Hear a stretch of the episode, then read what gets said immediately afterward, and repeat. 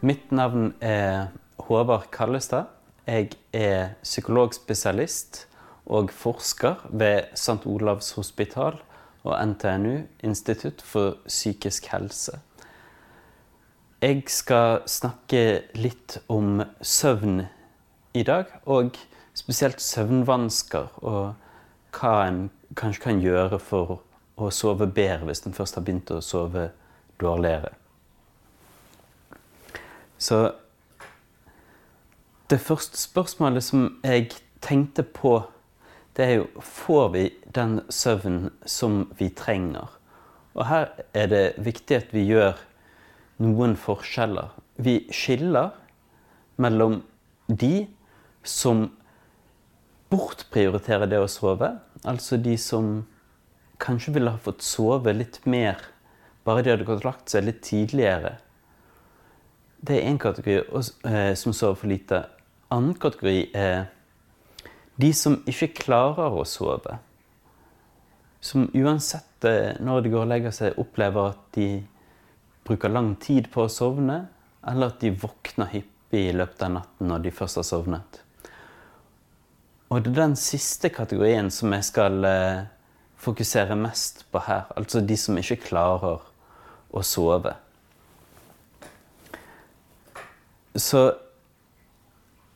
et spørsmål som mange får, er ja, Hvor mange er det som sliter med å sove, da? Og dette kan vi ofte se rapportert i aviser, f.eks. Eh, om hvor mange det er som har dette problemet her. Og her er en eh, forside der det står én av tre sliter med søvn. Det som er at akkurat hvor mange det er som sliter med søvn, avhenger jo av hvordan vi spør. Så hvis vi spør hvor mange er det som sliter med å sove sånn kanskje én gang i uken, så vil vi antageligvis få noe rundt én av tre. Mens hvis vi går inn og gjennomfører et uh, mer sånn diagnoseintervju for å finne ut hvem det er som har store søvnvansker, så ser vi at det er litt under én av ti, kanskje.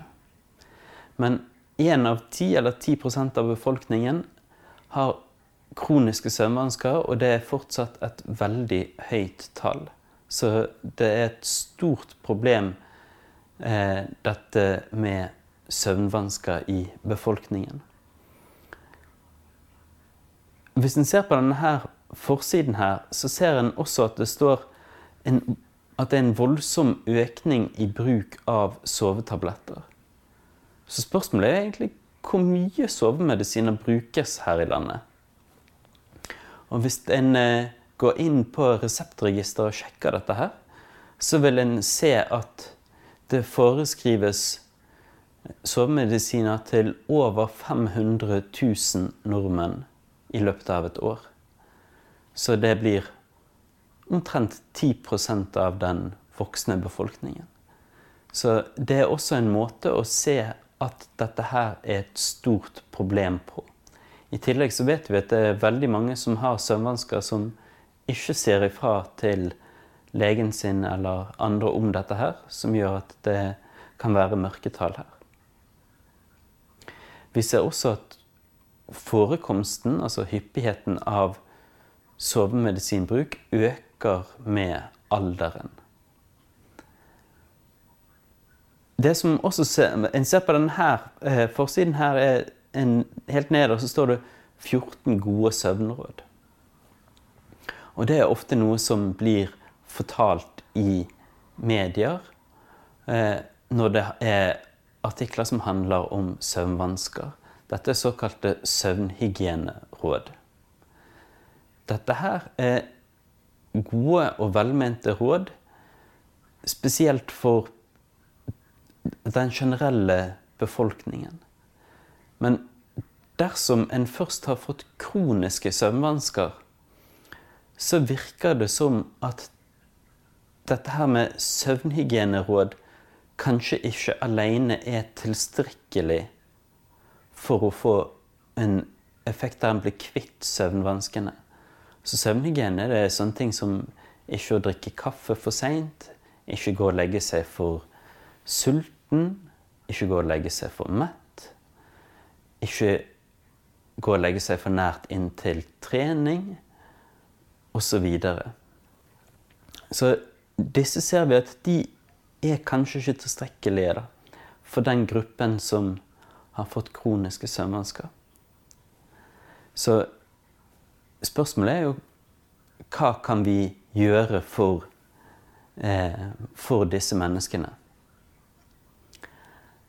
Her er en annen overskrift fra Adresseavisen der det står 'Dårlig søvn koster altfor mye'. Poenget med dette her er jo at eh, søvnvansker får konsekvenser ofte for de som har søvnvansker.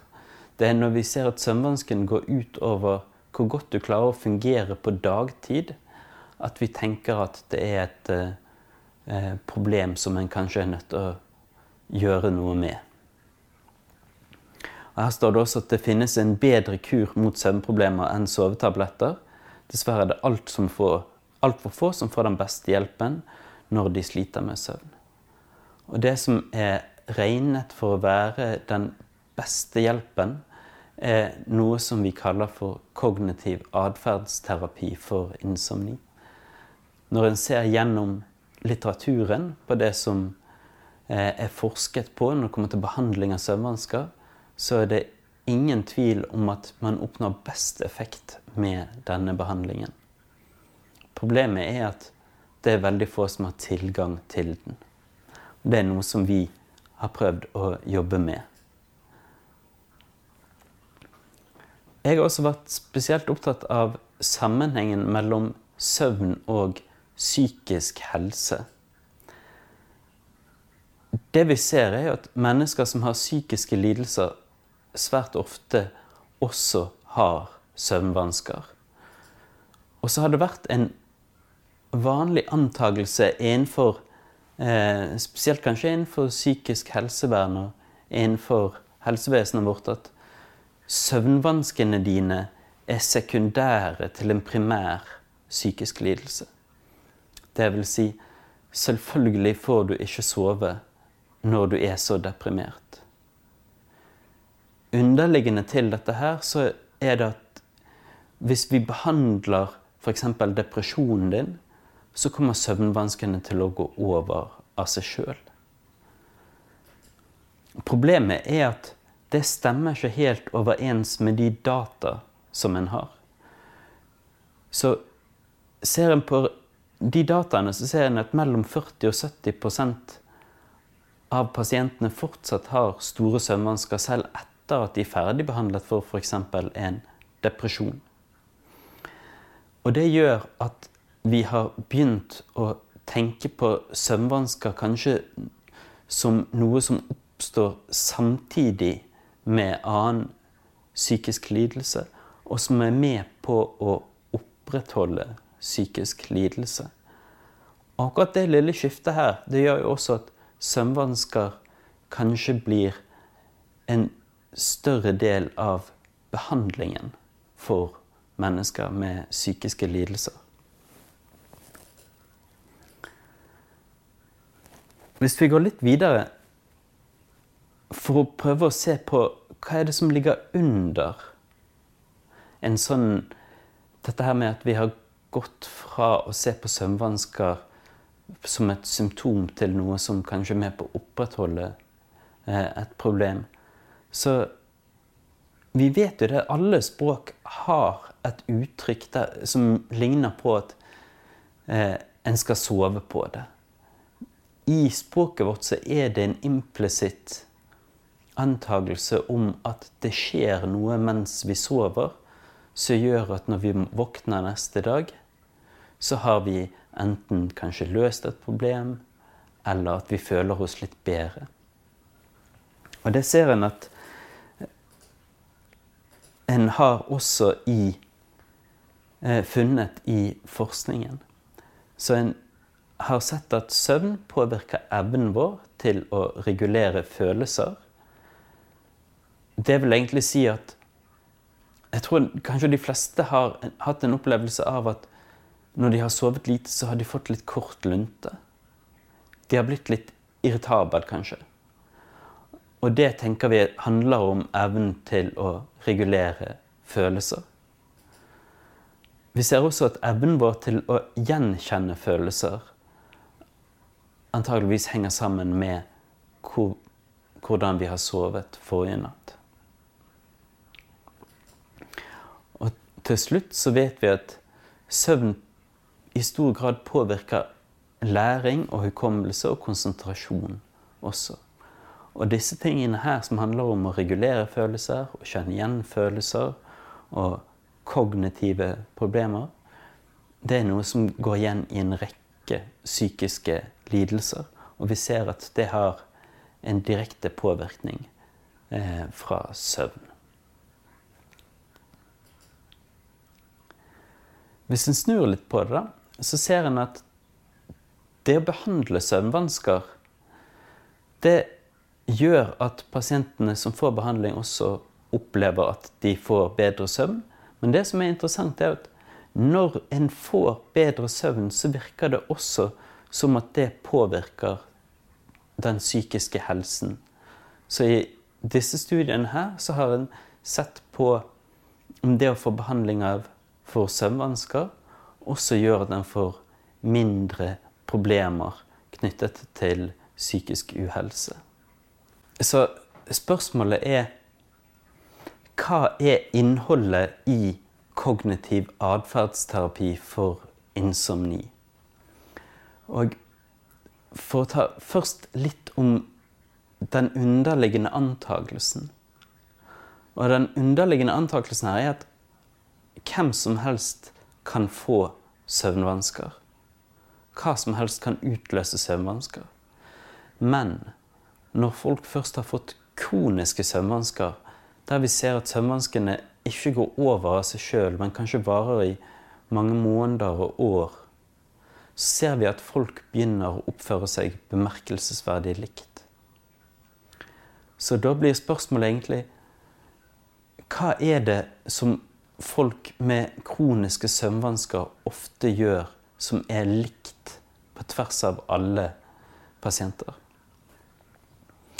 Og noe av det vi ser, er at etter hvert som en har hatt søvnvansker over en periode, så begynner en å tilbringe mye tid i sengen der en er våken. Enten der en, en kan føle at en må gå og legge seg tidlig fordi at en føler seg så utslitt. Men så har en kanskje ikke rukket å bli søvnig ennå. Så en kan legge seg på en følelse av utslitthet, og ikke fordi at en er så søvnig at en klarer å få sove. Så en kan legge seg tidlig og bli liggende lenge før en klarer å sove. Og når en først sovner, så opplever en at man sover, eh, sover oppstykket. Og kanskje når en endelig har fått sove, så velger en å sove litt utpå hvis en har muligheten til det, for å ta igjen litt av den tapte søvnen. Så en ser at en begynner å bruke mye tid i sengen, og mye av den tiden er våken. Og det som skjer da, er at kroppen etter hvert begynner å assosiere det å ligge i sengen med det å være våken. Så uansett om du vil eller ikke, så vil en sånn assosiasjon eller læring oppstå. Og det er sikkert mange som har opplevd det at en kan føle seg så utrolig søvnig og helt klar til å gå og legge seg, men akkurat idet en legger hodet på puten, så er det akkurat som en våkner til. Og da tenker vi at det kanskje har oppstått en lært sammenheng mellom søvn med seng og det å være våken. Et annet problem med det å ligge mye våken i sengen, er at det er lite som distraherer oss der. Så det kan være lett å begynne å tenke, og kanskje tenke over negative ting. Som ser at en har god tid til å bli liggende og gruble og bekymre seg og tenke over ting som kan gjøre at det tar enda lengre tid til at en får sove. Så noe av det viktigste i behandlingen av insomni handler om å begrense tiden i seng til den tiden som en faktisk sover. Så dette her vil si at i behandlingen så er det mye fokus på å endre atferd knyttet til det å legge seg og det å stå opp. Så det er dette her som vi kaller for søvnrestriksjon, som egentlig burde hete sengerestriksjon. Det en gjør, er at en tilbringer like mye tid i sengen som det en faktisk sover. Så det er ikke uvanlig at pasienter som jeg snakker med, f.eks. opplever at de sover ca. fem timer hver natt. Men så kan de kanskje ligge i sengen i åtte og ni og ti timer der de forsøker å sove. Så det en gjør da, er at en først bestemmer et tidspunkt som en skal stå opp på. Og det tidspunktet må være fast hele uken gjennom, både ukedag og helg. Og så beregner en leggetid ut ifra når en skal stå opp. Så hvis du f.eks. sover i fem timer og ønsker å stå opp klokken syv, så skal du gå og legge deg klokken to på natten. Og så prøver en det i én uke. Og hvis en da opplever at en sover bedre, så kan en øke tiden i seng med sånn ca. 20 minutter ved å legge seg 20 minutter tidligere. Så en gang i uken så kan vi gjøre sånne endringer der en til, gradvis tilbringer mer og mer tid i sengen. Så dette her er en intervensjon som egentlig kun baserer seg på det å endre disse tidspunktene der en legger seg og står opp. Men vi ser at den kan gi ganske dramatiske resultater for de som forsøker å gjøre dette her. Så er det noen ting som er viktig å vite. og det er at Hvis vi skal forsøke å endre et problem gjennom å endre vanene våre, som er egentlig det vi gjør her, så må vi sette tid til at dette her skal virke. Fordi det tar tid før vaner setter seg. Så hvis en skal gjøre dette her, så anbefaler jeg å sette av to måneder der en forsøker å følge et sånt program til punkt og prikke hver eneste dag i to måneder før en tar en beslutning på om det virker eller ikke. Så det er én ting å huske på. En annen ting å huske på er at selv om en opplever å sove i kanskje to-tre timer på natten, så går vi aldri under fem timer med søvnrestriksjon. Sover en i seks timer, så blir det da seks timer i sengen. Dette her er en av de intervensjonene som er mye vanskeligere å gjennomføre enn å si hva en skal gjøre. Så jeg anbefaler at hvis en skal gjøre og forsøke på dette her, så bør en enten ha en form for selvhjelpsbok, og dette finnes, eller en bør ha noe helsepersonell som en kanskje prøver å gjøre dette her sammen med. Fordi det kan være litt tungt å klare å holde seg våken, rett og slett. Eh, så lenge som denne her, så lenge som vi skal gjøre. Men dette er da grunnprinsippene i behandlingen. Som jeg nevnte, så er denne måten her å angripe søvnvansker på, der en endrer atferden, er regnet for å være den aller beste måten å behandle insomni på. Problemet er jo at det er nesten ingen mennesker som får denne behandlingen her. De aller fleste som blir tilbudt behandling for kroniske søvnvansker, blir behandlet med søvnhygieneråd eller med medisiner.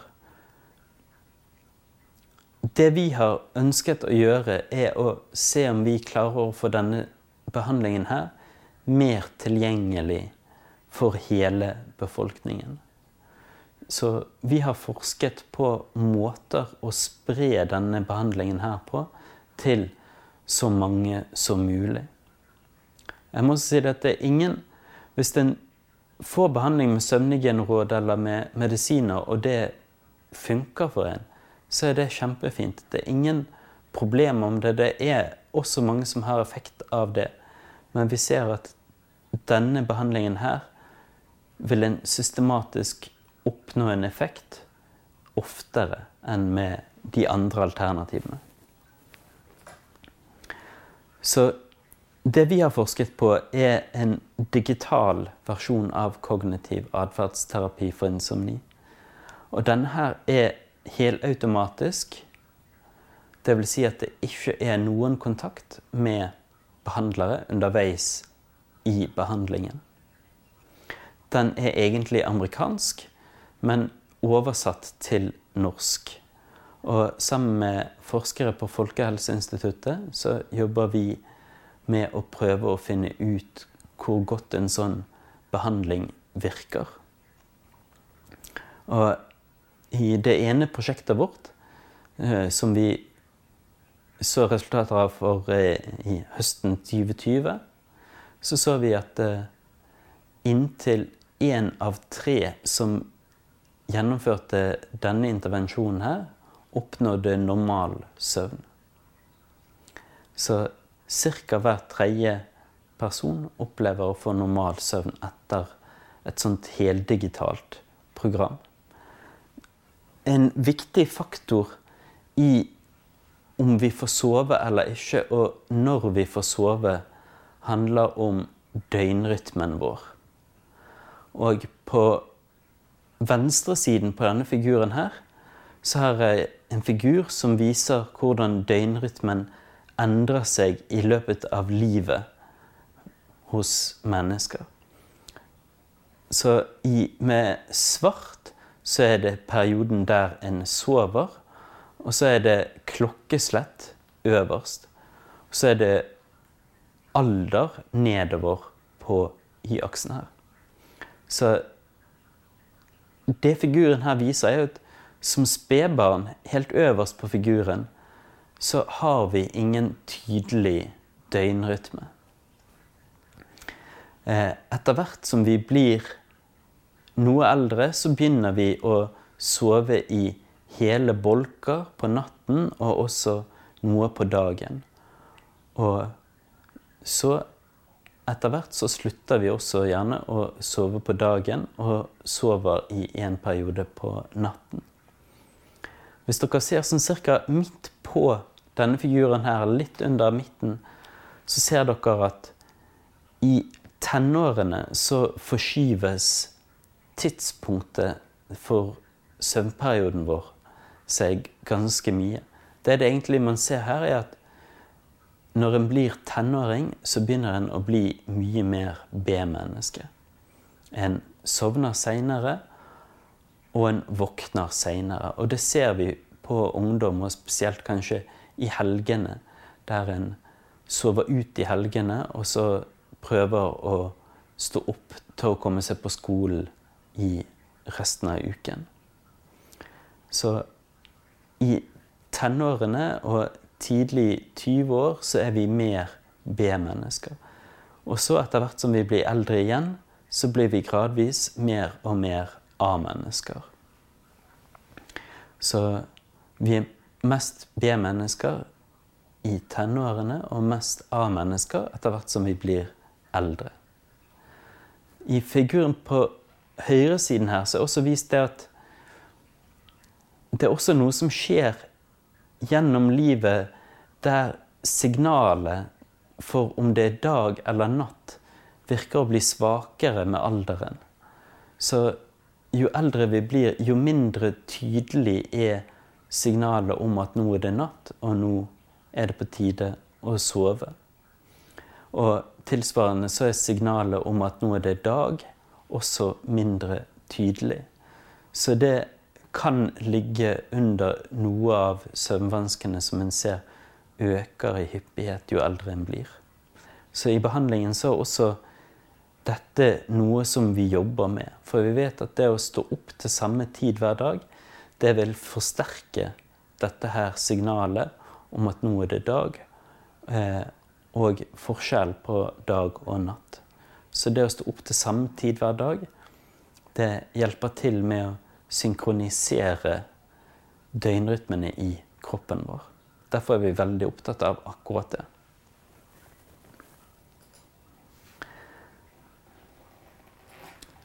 Helt til slutt så tenkte jeg at jeg skulle gå gjennom noen prinsipper som handler om døgnrytmene våre. For vi vet jo at vi er A- og B-mennesker.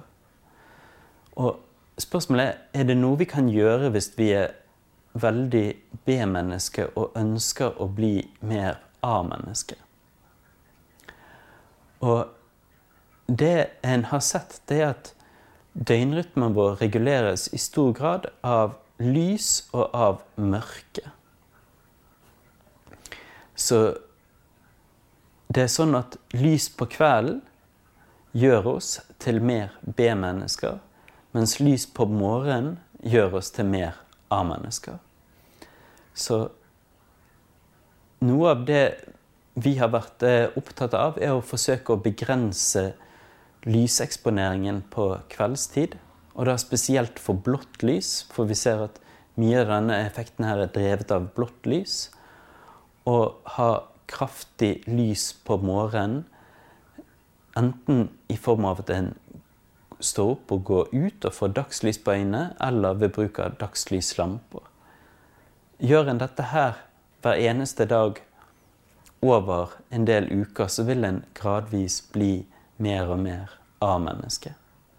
Tilsvarende hvis en er veldig A-menneske og ønsker å bli mer B-menneske, så vil lys på kvelden gjøre at eh, en gradvis blir mer B-menneske. Og effektene her er egentlig ganske store. Så det, man oppnår store effekter med eh, å endre på lyseksponering. Så dette her var de tingene som jeg ønsket å fortelle om, som handler om søvn, og hva en sjøl kan gjøre knyttet til å endre atferd og endre eksponering for lys og for mørke. Så jeg håper at er, dere har opplevd at dette var interessant, og at dere har fått litt mer å forholde dere til. Og tips til hva dere kan gjøre. Takk for meg.